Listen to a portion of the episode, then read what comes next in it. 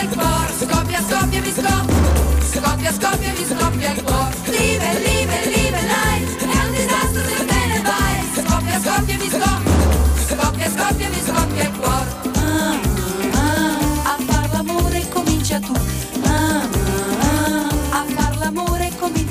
Ja, dat is het bekendste nummer van de Italiaanse zangeres en media-icoon Raffaella Carrà, die afgelopen week overleed. Het Italiaanse voetbalteam bracht tijdens de warming-up een ode aan Carrà. En wie weet, mochten ze winnen vanavond bij de EK-finale, dan starten ze dit nummer misschien weer even in. Het geeft wel aan hoe populair Raffaella Carrà is, geboren in Rome in 1943. Maar wat was haar betekenis? Want ze werd zowel het gezicht van de pompeuze Italiaanse tv-shows als het boegbeeld van de vrouwen- en homobeweging. Kan dat wel samengaan?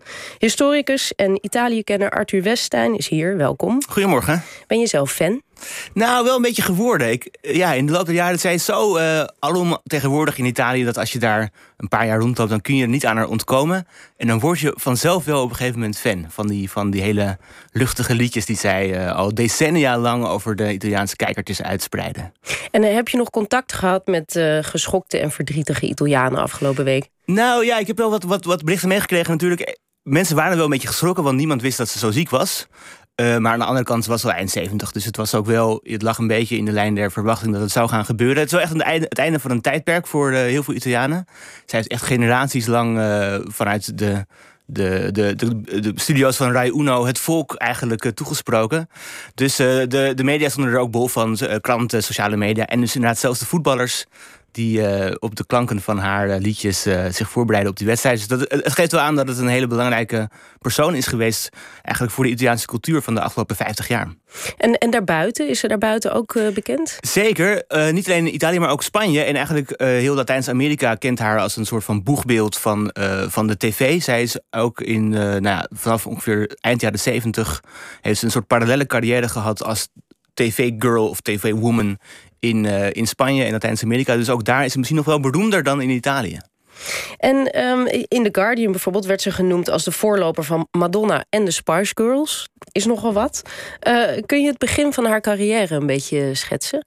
Ja, ze is eigenlijk uh, begonnen als actrice. Zo een beetje de hoogtijdagen van de Italiaanse cinema. Toen die, uh, die, die filmindustrie op volle toeren draaide. Begin jaren 60 had zij ook een paar van die rolletjes in beetje B-films met, uh, met Ben Hur-achtige tafereelen. Maar ze kon niet alleen maar acteren, maar ook dansen en zingen. En dat maakte er heel geschikt voor het nieuwe medium van die tijd, de tv. Dus ze werd al snel naar voren gehaald om bijvoorbeeld bij het intro-liedje van zo'n tv-programma dan een leuk dansje te doen. Dat ging wel goed, ging wel goed zo goed dat ze dat eigenlijk overal ging doen en op een gegeven moment ook ging presenteren. En vooral in de jaren tachtig wordt zij het gezicht van allemaal van die uh, vrij luchtige, ook wel ledige tv-shows die uh, op primetime miljoenen Italianen aan de buis gekluisterd houden. En dan wordt ze echt ja, een, een beetje het, uh, het rolmodel van een, uh, van een tv-presentatrice. In Italië en dus ook in Spanje. En ze heeft daarvoor in de jaren 60 ook nog met Frank Sinatra in een film gespeeld. Ja, het is een klein rolletje. Er gaan ook geruchten dat Frank Sinatra haar heeft proberen te verleiden. Maar ze was een zelfstandige, onafhankelijke vrouw. Dat heeft ze ook altijd benadrukt. Dus ze heeft zich niks van die avances laten, laten aanleunen. Maar je schetst haar nu dus als iemand die uh, in, de, in de jaren tachtig... dus in, in die glitter, glamour tv-shows... die we wel kennen van Rayuno verschijnt. Uh, nou zou je zeggen, dat is niet de meest emancipatoire rol... voor een vrouw om daarin te verschijnen. Uh, en toch wordt ze nu ook wel gememoreerd... omdat ze zo belangrijk was voor de onafhankelijkheid van de vrouw. De positie van de vrouw. Ja, daar zit een beetje iets dubbels in. Dus aan de ene kant, zij heeft altijd inderdaad zichzelf gepresenteerd... als iemand die vrij was, onafhankelijk... die gewoon van het leven genoot en van seksualiteit. De liedjes gaan daar ook over. Ook over het initiatief dat de vrouw moet nemen. Dus dat liedje wat je net hoorde, Afar l'amore comincia tu... betekent eigenlijk, hè, je moet zelf beginnen. Uh, laat, laat, je niet leiden, laat je niet passief uh, in, een, in, een, hoekje drukken. Maar... Je moet de man vertellen wat hij moet doen. Precies. Um, dus dat, dat heeft zij wel belichaamd. Aan de andere kant is ze inderdaad ook wel een symbool van de blondine die een leuk dansje doet en met een heel laag uitgesneden jurkje glimlach naar de camera. Zonder al te veel moralistische politieke boodschappen te verkondigen. In tegenstelling, dat, in dat deed ze helemaal niet. Het was eigenlijk heel erg luchthartig allemaal. Dus ze belichaamt in die zin eigenlijk de twee kanten misschien wel van de jaren tachtig. Aan de ene kant de vrijheid van het individu, maar aan de andere kant ook wel een beetje de objectivisering van het vrouwelijk lichaam. En inderdaad, als je de Italiaanse tv een beetje kent, dan weet je dat dat, dat laatste vooral is echt nog steeds schering en inslag. Maar en dan ontvangt ze ook in 2017 de World Pride Award als, als, als gay-icoon. Dat zegt ook wel iets, toch? Ja, zij, die liedjes van haar zijn ook al heel snel opgepikt door de, door, door de gay community. Er is ook één liedje wat ze heeft gemaakt al eind jaren 70. Dat, gaat, dat liedje heet Luca. Dat gaat over een jongen op wie zij verliefd is, maar die jongen gaat er vandoor met een andere jongen. Nou, dus dat was eigenlijk.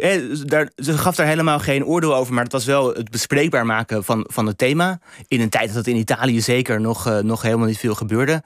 En ook die liedjes die. Ja, het zijn van die vrolijke disco-liedjes die werden opgepikt in, in, uh, in, in, in gay-discotheken overal ter wereld. Dat, dat heeft er een, een gay-icoon gemaakt. Maar ze heeft zichzelf nooit echt heel nadrukkelijk daarvoor of tegen uitgesproken hoor. Het is pas eigenlijk aan het eind van haar carrière dat ze het heeft omarmd. Maar niet toen ze echt het oor van de natie of het, het, het, het, het gezicht van de natie was in de jaren tachtig. Maar uh, blijkbaar is zij dus iemand op wie die, die heel veel groepen kan binden of zo. Ja. En, en, misschien een beetje als Dolly Parton in Amerika, die zowel Ja. inderdaad de, de gay community als uh, de rednecks kan verbinden. Ja, zeker. Ja. Juist ook omdat ze niet zo uh, moraliserend was, niet zo uitgesproken was, maar gewoon puur vermaak bracht, kon ze zowel conservatieve huisvrouwen in kleine bergdorpjes in Zuid-Italië als uh, vrijgevochten uh, jongeren in Milaan en daarbuiten, hè, dus ook in, in Madrid of in Buenos Aires, die kon ze allemaal uh, aan zich binden. En dat maakte er inderdaad zo'n zo'n heel breed gedeeld symbool eigenlijk van die tv-cultuur. Nou uh, speelt uh, Italië tegen Engeland uh, vanavond. Eerder brachten de Italiaanse voetballers tijdens de warming-up al een soort hommage aan Cara door haar bekendste nummer, dus dat eerste nummer te draaien. Gaan ze bij de winst nog iets doen, denk je? Nou, ook na de, na de winst in de halve finale hebben ze in de bus nog een, nog een keer dat liedje gezongen met z'n allen. Dus wie weet, laten we vooral goed, goed onze ogen open, en oren open houden vanavond om te kijken wat er gebeurt. En laten we vooral hopen dat Italië wint, natuurlijk. Ja, uiteraard. Goed. Dankjewel, Arthur Westtuin, voor dit verhaal over Rafaela Cara. OVT. Een programma over